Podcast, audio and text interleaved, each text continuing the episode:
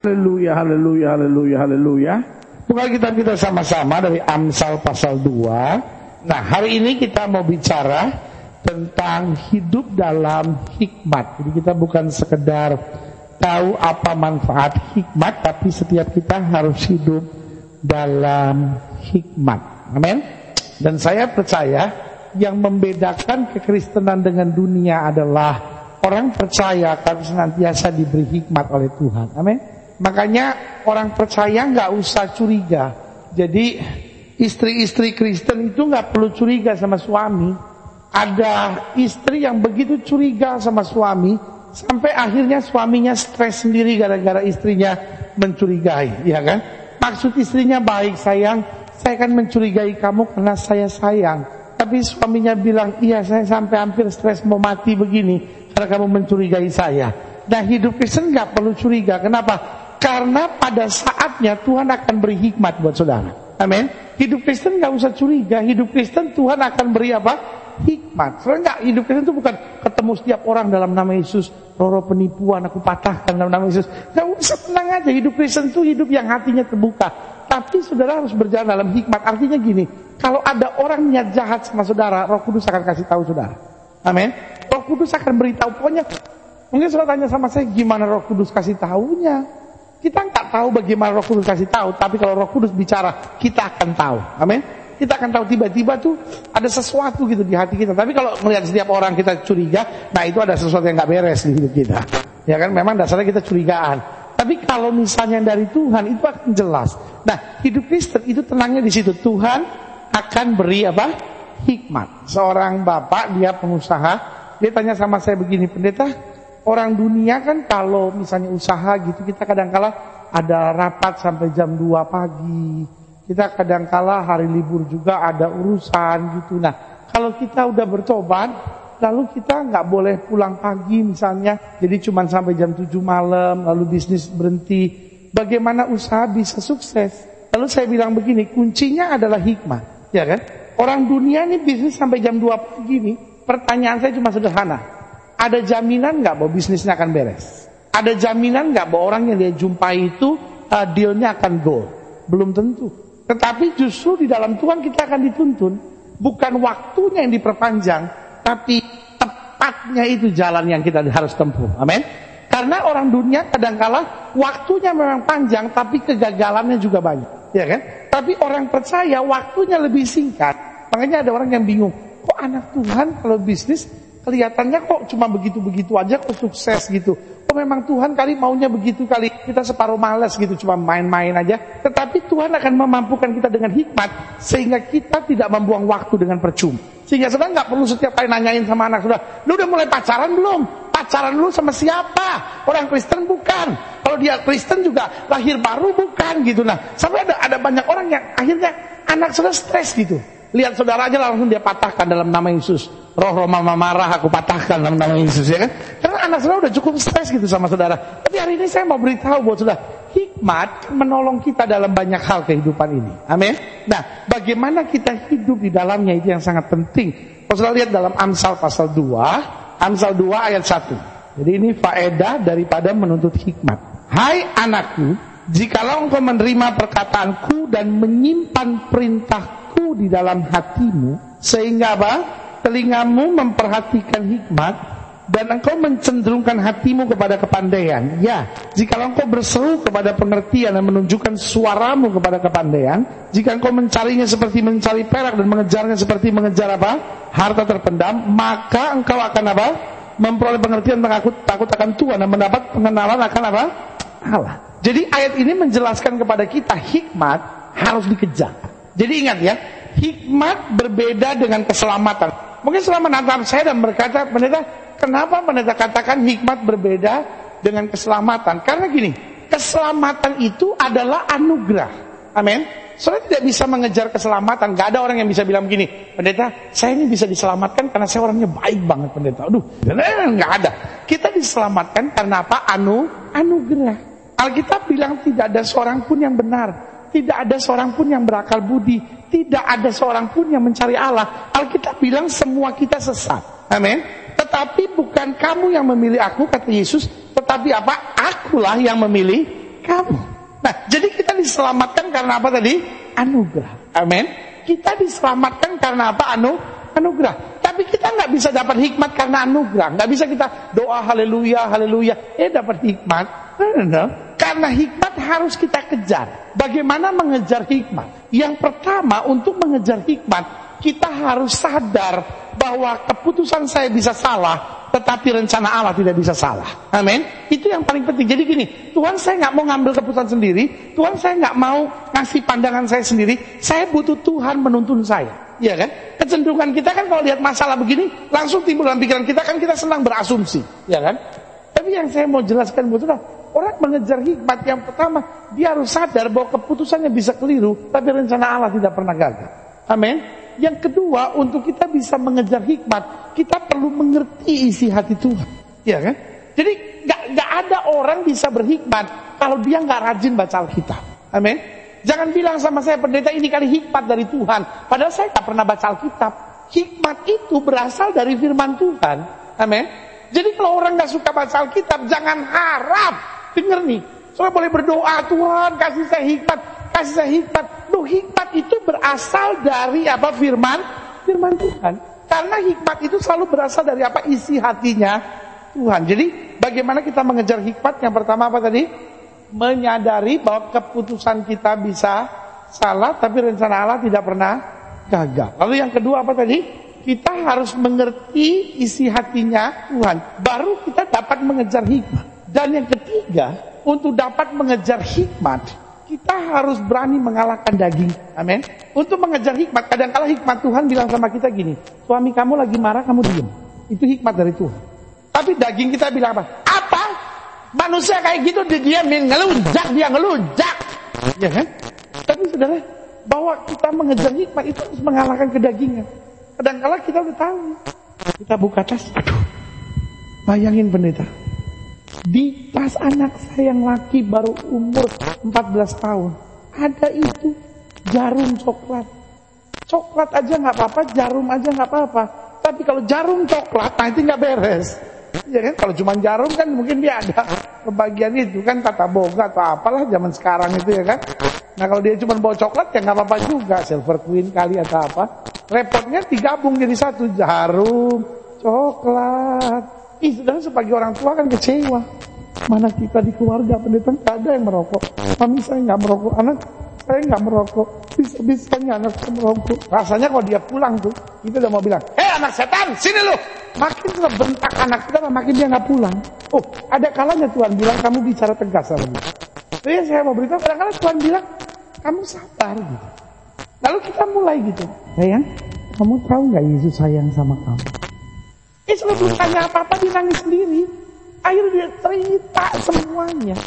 Kenapa? Nah ini saya bilang, hikmat dapat menyelesaikan masalah dengan cara yang sangat luar biasa. Amin. Jadi hikmat berbeda dengan apa? Keselamatan. Keselamatan adalah anugerah, tapi hikmat apa? Hikmat perlu kita kita kejar. Pray. Kita lihat ayat selanjutnya. Jadi kita mau belajar ya hari ini untuk setiap kita dapat hidup dalam apa? Hikmat. Karena Tuhanlah yang apa? Memberikan hikmat. Dari mulutnya datang pengetahuan dan apa? Kepandaian. Ia menyediakan pertolongan bagi orang yang jujur, menjadi perisai bagi orang yang tidak bercela lakunya. Sambil menjaga jalan keadilan dan memelihara jalan orang-orang yang setia. Maka engkau akan mengerti tentang kebenaran, keadilan dan kejujuran, bahkan setiap jalan yang baik. Karena hikmat akan masuk ke dalam apa? Hatimu dan pengetahuan akan menyenangkan jiwamu. Kebijaksanaan akan memelihara engkau dan kepandaian akan menjaga engkau. Supaya engkau terlepas dari jalan yang jahat, dari orang yang mengucapkan tipu muslihat, dari mereka yang meninggalkan jalan yang lurus dan menempuh jalan yang gelap, yang bersuka cita melakukan kejahatan, bersorak-sorak karena tipu muslihat yang jahat yang berliku-liku jalannya dan yang sesat perilakunya. Supaya engkau terlepas dari perempuan jalang dari perempuan yang asing yang licin perkataannya yang meninggalkan teman hidup masa mudanya dan melupakan perjanjian Allahnya. Sesungguhnya rumahnya hilang tenggelam ke dalam maut. Jalannya menuju arwah-arwah Segala orang yang datang kepadanya tidak balik kembali dan tidak mencapai jalan kehidupan.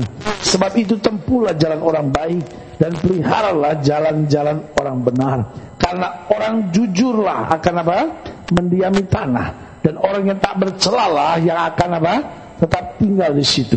Tetapi orang fasik akan dipunahkan dari tanah itu dan pengkhianat akan apa? Dibuang dari situ. Nah, saudaraku yang kasih dalam Tuhan, apa yang mempengaruhi hikmat? Bagaimana supaya hikmat menguasai hidup kita? Saya lihat yang dapat mempengaruhi hikmat ada tiga hal. Yang pertama, coba lihat ayat yang kedua, dikatakan begini. Sehingga telingamu memperhatikan apa? Hikmat. Dan engkau mencenderungkan hatimu kepada apa? Kepandaian. Jadi yang pertama yang akan mempengaruhi hidup kita supaya hidup dalam hikmat. Yang pertama adalah telinga. Telinga kita, jadi artinya gini, apa yang kita dengar itu yang akan mempengaruhi apakah hidup kita dalam hikmat atau tidak. Makanya Alkitab sudah bilang pergaulan yang buruk apa menghancurkan kebiasaan yang baik. Kalau saudara selalu dengar tentang orang lain misalnya, saudara dengar, lu tahu nggak sini kan begini begini begini, masa itu nggak mungkin hikmat yang timbul dalam pikiran saudara, tapi kecurigaan, betul? Ya kan? Sudah nonton televisi, hari-hari sudah lihat pria berselingkuh, hari-hari sudah lihat pria tidak bisa dipercaya, hari-hari sudah lihat rumah tangga banyak berakhir dengan perceraian. Lama-lama sudah nggak akan punya hikmat. Karena apa yang kita dengar itu mempengaruhi bagaimana cara kita mengambil keputusan. Amin. Jadi yang pertama kita harus dengar hal-hal yang membangun kita. Makanya kita bilang apa? Iman timbul dari apa? Pendengaran dan pendengaran akan apa? Firman Tuhan. Jadi yang pertama kita harus dengar hal-hal yang apa? Membangun, ya kan? Makanya perhatikan lagu yang sudah dengar, ya kan? Lagu yang sudah dengar itu mempengaruhi. Mungkin sudah pikir, ya itu kan cuma lagu pendeta. Hidup Kristen jangan terlalu fanatik, kenapa? Tapi apa yang sudah dengar itu mempengaruhi saudara, ya kan? Kalau setiap hari yang saya dengar cuma kawin bye-bye, jangan sampai bakalai. Kalau sampai bakalai, minta cerai lebih baik, ya kan? Nah kalau setiap kali sudah cuma pikir, kalau kita berkelahi lebih baik minta cerai. Kalau kita berkelahi lebih baik minta cerai, ya kan? Lama-lama tanpa sudah sadari, mungkin sudah tidak maksudnya begitu. Oh, itu kan cuma lagu pendeta, itu kan cuma saya suka nada-nadanya aja gitu. Kan nggak nggak apa-apa gitu. Tapi tanpa sudah sadari, dia mempengaruhi seluruh pikiran saudara. Jadi kita harus dengar yang pertama apa yang membangun. Yang kedua yang kita harus dengar adalah hal-hal yang rohani. Baik dalam perkataan, baik dalam lagu, baik dalam tontonan. Ini penting sekali untuk kita masukin hal-hal yang rohani. Karena selalu saya bilang begini. Dalam komputer ada istilah begini. Garbage in, garbage out. Jadi kalau yang kita masukin sampah, keluarnya otomatis apa? Sampah itu biasa sekali.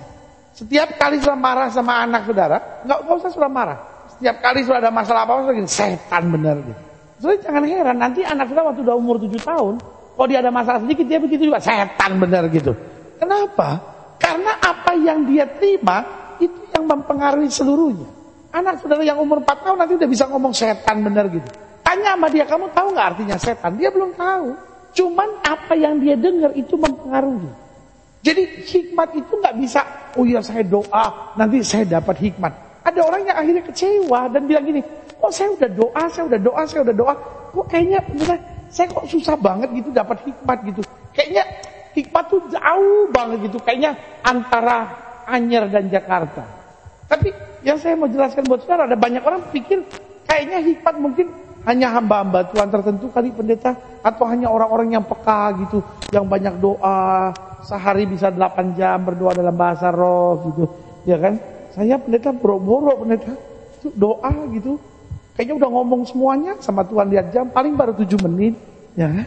Iya ada orang yang tanya sama saya gitu pendeta, syaratnya untuk bisa doa lama gimana sih pendeta? Syaratnya untuk bisa doa, kan ada orang yang bisa doa sejam, dua jam. Itu dia ngomong apa sih pendeta? Saya tuh udah ngomong semua gitu kayaknya. Udah apa lagi ya Tuhan ada apa lagi. Lihat jam baru 7 menit. Itu sama seperti orang pacaran. Bener. Orang pacaran itu dia bisa ketemu tiap hari dan sampai jam satu pagi. Senang aja gitu. Cuman duduk berdua aja kadang-kadang. Kadang-kadang juga nggak ngomong apa-apa. Itu bisa jam satu pagi. Karena kalau orang cinta, ya kan, itu duduk just to be there, ya kan? Hanya untuk ada di situ aja itu udah senang, ya kan? Tapi yang saya mau tegaskan buat saudara bahwa orang yang berhikmat itu bukan sekedar orang yang aduh saya doa berjam-jam sama Tuhan. Bukan hanya itu. Orang yang berhikmat adalah orang yang dia dengar hal-hal yang rohani dalam hidup. Amin. Sehingga walaupun sudah banyak doa, tapi kalau yang sudah dengar dalam pergaulan sudah dalam kehidupan sehari-hari, itu hanya kata-kata yang kosong. Dengar baik. Gak akan ada banyak hal yang terjadi dalam hidup saudara. Itu yang saya bilang, ada banyak orang Kristen kecewa karena dia ngerasa gini, kok hidup Kristen kok gini-gini aja ya? Kok hidup Kristen kok kayak nggak ada breakthrough gitu, nggak ada nggak ada sebuah terobosan yang berarti. Intinya sederhana. Ayo telinga kita kita pakai untuk hal yang membangun. Ayo kita pakai telinga kita untuk hal-hal yang rohani. Amin. Dan yang ketiga kita pakai telinga kita untuk hal-hal yang menguatkan. Saudara yang kasih dalam Tuhan Bartimeus sepanjang hari dia cuma mengemis. Dia datang ke berbagai tabib, semua tabib angkat tangan sama dia. Dengan lain kata semua tabib sudah bilang sama dia, kamu nggak bisa disembuhkan. Tapi saya mau beritahu kata-kata yang melemahkan ini dia nggak mau peduli. Orang semua bilang kamu nggak bisa disembuhkan, kamu nggak bisa disembuhkan, dia nggak peduli. Sampai satu saat dia dengar ada orang yang bilang sama dia, Oh Yesus bisa menyembuhkan kamu. Dari mana saya tahu ada orang yang bilang sama dia bahwa Yesus bisa menyembuhkan? Karena kalau kita baca ayatnya, kemudian dikatakan begini, ketika didengarnya bahwa itu adalah Yesus, maka kemudian dia berteriak, Yesus anak Daud kasihanilah. Amin. Dia nggak nggak nggak tanya dulu, Yesus orang apaan ya? Terus, terus, terus, terus gimana? Oh dia suka nyembuhin. Kalau buta gimana? Kalau buta bisa sembuh juga. Oh, dia nggak perlu tanya lagi. Artinya dia udah dengar. Nah, hidup ini tuh sama. Kita kadang-kala dengar hal-hal yang negatif. Penyakit kamu nggak bisa disembuhkan, kamu nggak akan bisa punya anak, anak kamu nggak akan bisa berubah, rumah tangga kamu nggak akan mungkin bisa bahagia, tapi di sisi yang lain kita dengar, buat Yesus nggak ada perkara yang mustahil. Bersama dia kita cakap menanggung segala perkara. Nah pertanyaan saya cuma sederhana, mana yang kita mau dengar? Persoalan kita kadang-kadang kita dengar dua-duanya. Ya kan? Dan karena kita dengar dua-duanya, maka yang negatif itu dia seperti benalu, dia grogotin kata-kata yang positif. Sehingga akhirnya apa? Kekristenan kita selalu tahu. Amin. Tapi apa yang Bartimius buat? Dia dengar hal yang negatif, dia tolak. Dia dengar hal yang negatif, dia tolak. Dia dengar hal yang negatif, dia tolak. Sampai dia dengar hal yang positif dan itu yang dia simpan. Amin. Orang mau ngomong negatif apa pun jangan pernah. Masuk kuping kanan, keluar kuping kanan.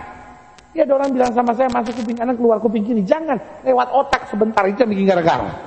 Jangan sampai dia lewat otak masuk kuping kiri nih masuk kuping kiri, keluarin lagi di kuping kiri. Amin.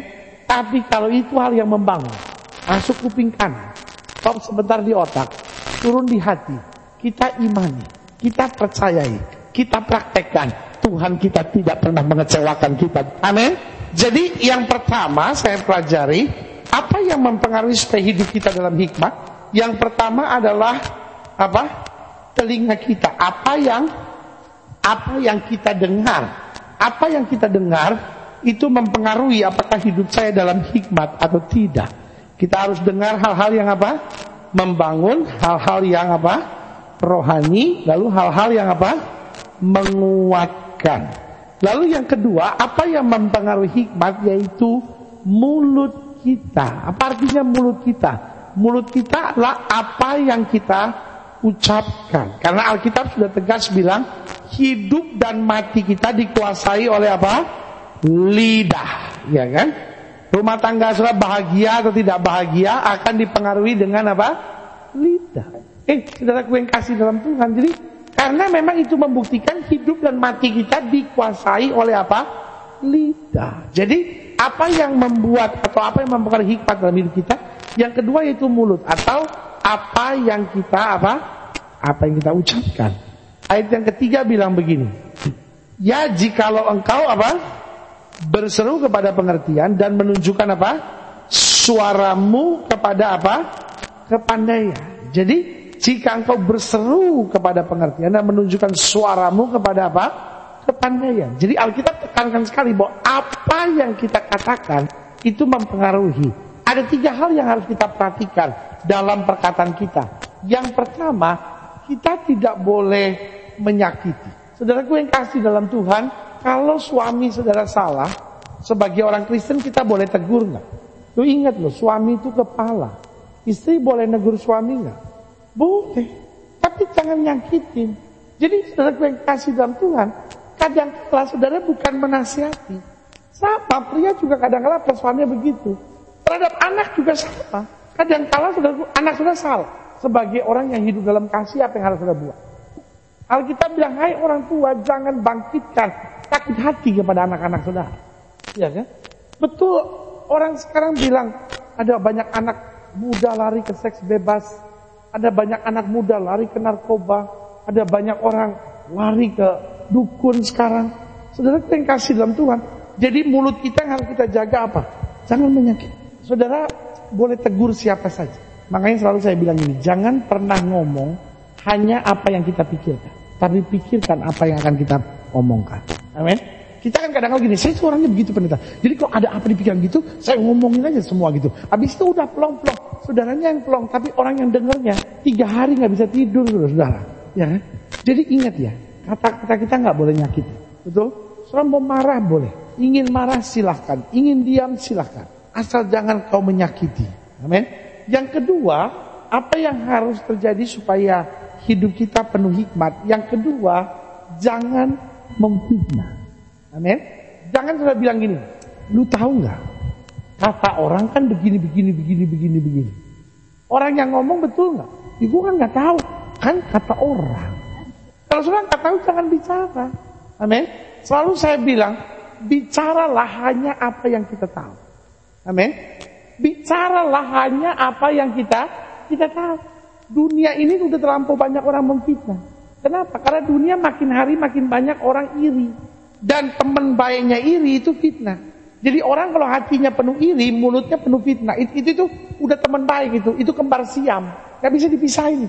Coba sudah perhatiin ya. Orang kalau hatinya gampang iri nih, perhati. Makanya saudara pas saya ajak ngomong baik-baik. Jangan sudah bergaul dengan orang yang suka iri.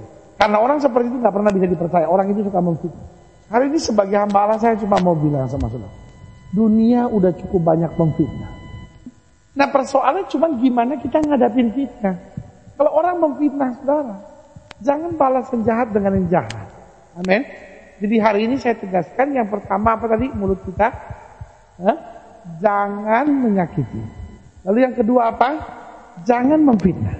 Dan yang ketiga, jangan memperlakukan perkataan-perkataan kasar atau jangan mengeluarkan perkataan-perkataan kasar atau jangan memperlakukan orang lain dengan perkataan-perkataan yang kasar. Karena hidup ini bukan soal volume suara. Dalam hukum pernikahan ada sebuah hukum. Dan hukumnya adalah jangan pernah berteriak satu sama lain kecuali dalam keadaan kebakaran.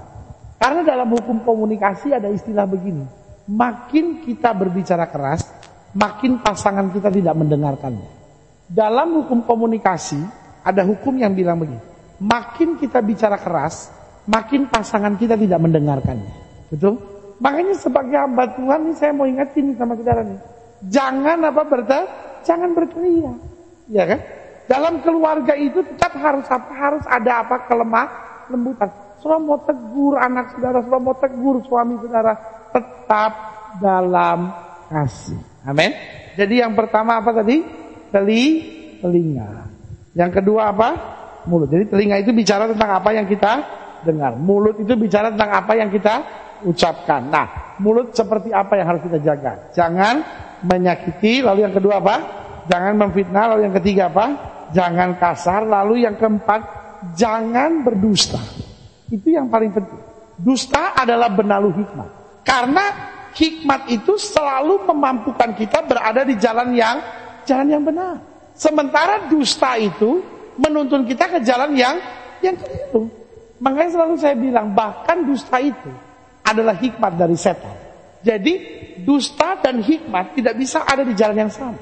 Kenapa? Karena hikmat itu Tuhan menuntun kita ke jalan yang benar. Tapi dusta itu bagi saya setan yang menuntun kita ke jalan yang menghancurkan kita. Karena apa pun yang kita mulai dengan dusta, ujung-ujungnya pasti kehancuran. Betul? Jadi kalau kita mau hidup dalam hikmat, pastikan hidup kita bicara jujur. Amin. Yang ketiga, jadi yang pertama tadi apa? Telinga atau apa yang kita dengar. Kedua mulut atau apa yang kita katakan. Yang ketiga, bagaimana kita hidup dalam hikmat. Coba lihat ayatnya yang ke-10. Karena hikmat akan apa? Akan masuk ke dalam hatimu dan pengetahuan akan apa? Menyenangkan jiwamu. Jadi yang ketiga, yang akan mempengaruhi hidup kita dalam hikmat yaitu hati kita atau apa yang kita simpan. Yang pertama, hati kita ini harus bersih. Amin. Kalau orang rancangannya saja sudah jahat, nggak mungkin akan ada hikmat. Jangan saya pikir akan hikmat. Yang akan ada cuma keli, kelicikan. Ya kan? Itu bukan hikmat licik. Nah, hikmat itu harus mulai dengan hati yang bersih. Amin. Yang kedua, hati kita harus kuat. Karena sering kali hikmat nggak turun karena kita terlalu cepat menyerah. Tuhan saya udah nggak tahan nih. Tuhan saya diginiin terus lama-lama saya udah nggak bisa nih, ya kan? Nah, kalau kita sendiri udah nggak kuat, bukan hikmat yang datang, tapi keputusasaan. Jadi orang yang beroleh hikmat adalah orang yang fight till the end.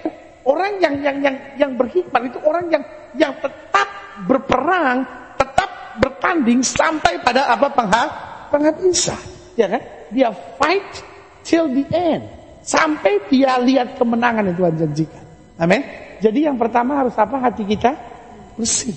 Lalu yang kedua hati kita harus apa? Kuat. Sebagai hamba Allah saya cuma mau ingatkan siapa pun saudara. Kalau saudara sedang menghadapi masa-masa yang sukar, bertahan, kita kan punya Tuhan. Amin. Tuhan kan gak buta. Tuhan kan gak tuli. Amin. Tuhan kan gak tidur. Kadang-kala kita tuh sampai udah saking beratnya gitu. Kadang-kala kita pikir, Tuhan tuh denger gak sih doa saya? Tuhan bilang amin gitu ya kan. Tuhan tuh ada ya kan. Tuhan dengar. So what gitu. Saudara pikir Tuhan buta? Saudara pikir Tuhan tuli? Saudara gue yang kasih dalam Tuhan. Hari ini kembali cuma mau ingatkan buat saudara. Tetap buat aja kita bilang apa? Orang yang bertahan sampai kesudahannya akan beroleh selamat. Karena waktu kita bertahan, Tuhan akan berhikmat tepat pada waktunya. Di situ kita lihat mujizat. Amin. Dan yang ketiga, hati kita harus kita penuhi dengan sukacita. Hati kita harus kita penuhi dengan apa? Sukacita. Karena kalau hati kita sukacita, hidup kita akan tenang, ya kan? Mungkin selalu menatap saya dan berkata, loh itu kan teorinya pendeta, kita harus sukacita, sukacita, itu kan teorinya. Kalau memang gaji cukup, ya bisa sukacita. Tapi kalau udah tanggal begini, pendeta mau sukacita, jatah juga udah habis, udah bingung menghadapi hari esok, ya kan? Bagaimana lagi mau sukacita, saudara? Kadangkala kita pikir sukacita itu keadaan. Buat saya sukacita bukan keadaan. Buat saya sukacita adalah keputusan. Amin. Apa sih keadaan sukacita? Ya kan? Kapan kita bisa bilang, loh ini keadaannya sukacita? Ya kan? Keputusan. Ada orang pakai AC. Dia bilang gini, aduh enak ya ruangan ini pakai AC. Ada orang ditaruh di ruangan pakai AC, pakai jaket dia. Gila dingin banget lagi nih. Loh, jadi yang yang yang sukacita itu sebetulnya apa? Pakai AC atau tidak pakai AC? Hah? Tergantung orangnya. Betul? Ada orang-orang yang memang senang. Dia pakai mobil, ada AC, AC-nya dimatiin, kaca dia buka. Ya, ada orang yang modalnya begitu. Buat saudara yang nggak begitu, sudah pikir sakit kali itu orang. Tapi buat orang yang begitu dia bilang gini, itu orang pakai AC itu sakit kali dia. Udara udah bagus-bagus begini Tuhan ciptain, dia dingin-dinginin. Pindah aja ke Eskimo sana, ya kan? Eh, saudara, jadi intinya semua itu tergantung orangnya, betul? Jadi sukacita itu bukan keadaan. It's not a condition. It's your choice. Waktu saya memilih Tuhan, saya mau bersukacita. Kita selalu punya alasan untuk bersukacita. Kenapa kita punya alasan bersukacita? Loh, Yesus sudah mati buat kita. Amin. Tuhan memandang salib saja seharusnya kita sukacita.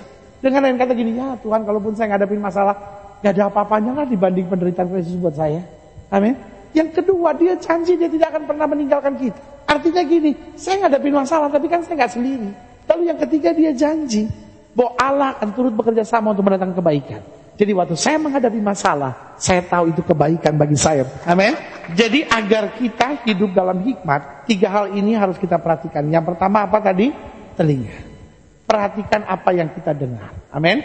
Yang kita dengar tadi apa tiga hal yang harus kita pelajari? Yang membang, yang membangun. Yang kedua yang roha, rohani. Yang ketiga apa yang menguat, menguatkan. Lalu yang kedua, apa yang mempengaruhi kita supaya berhikmat?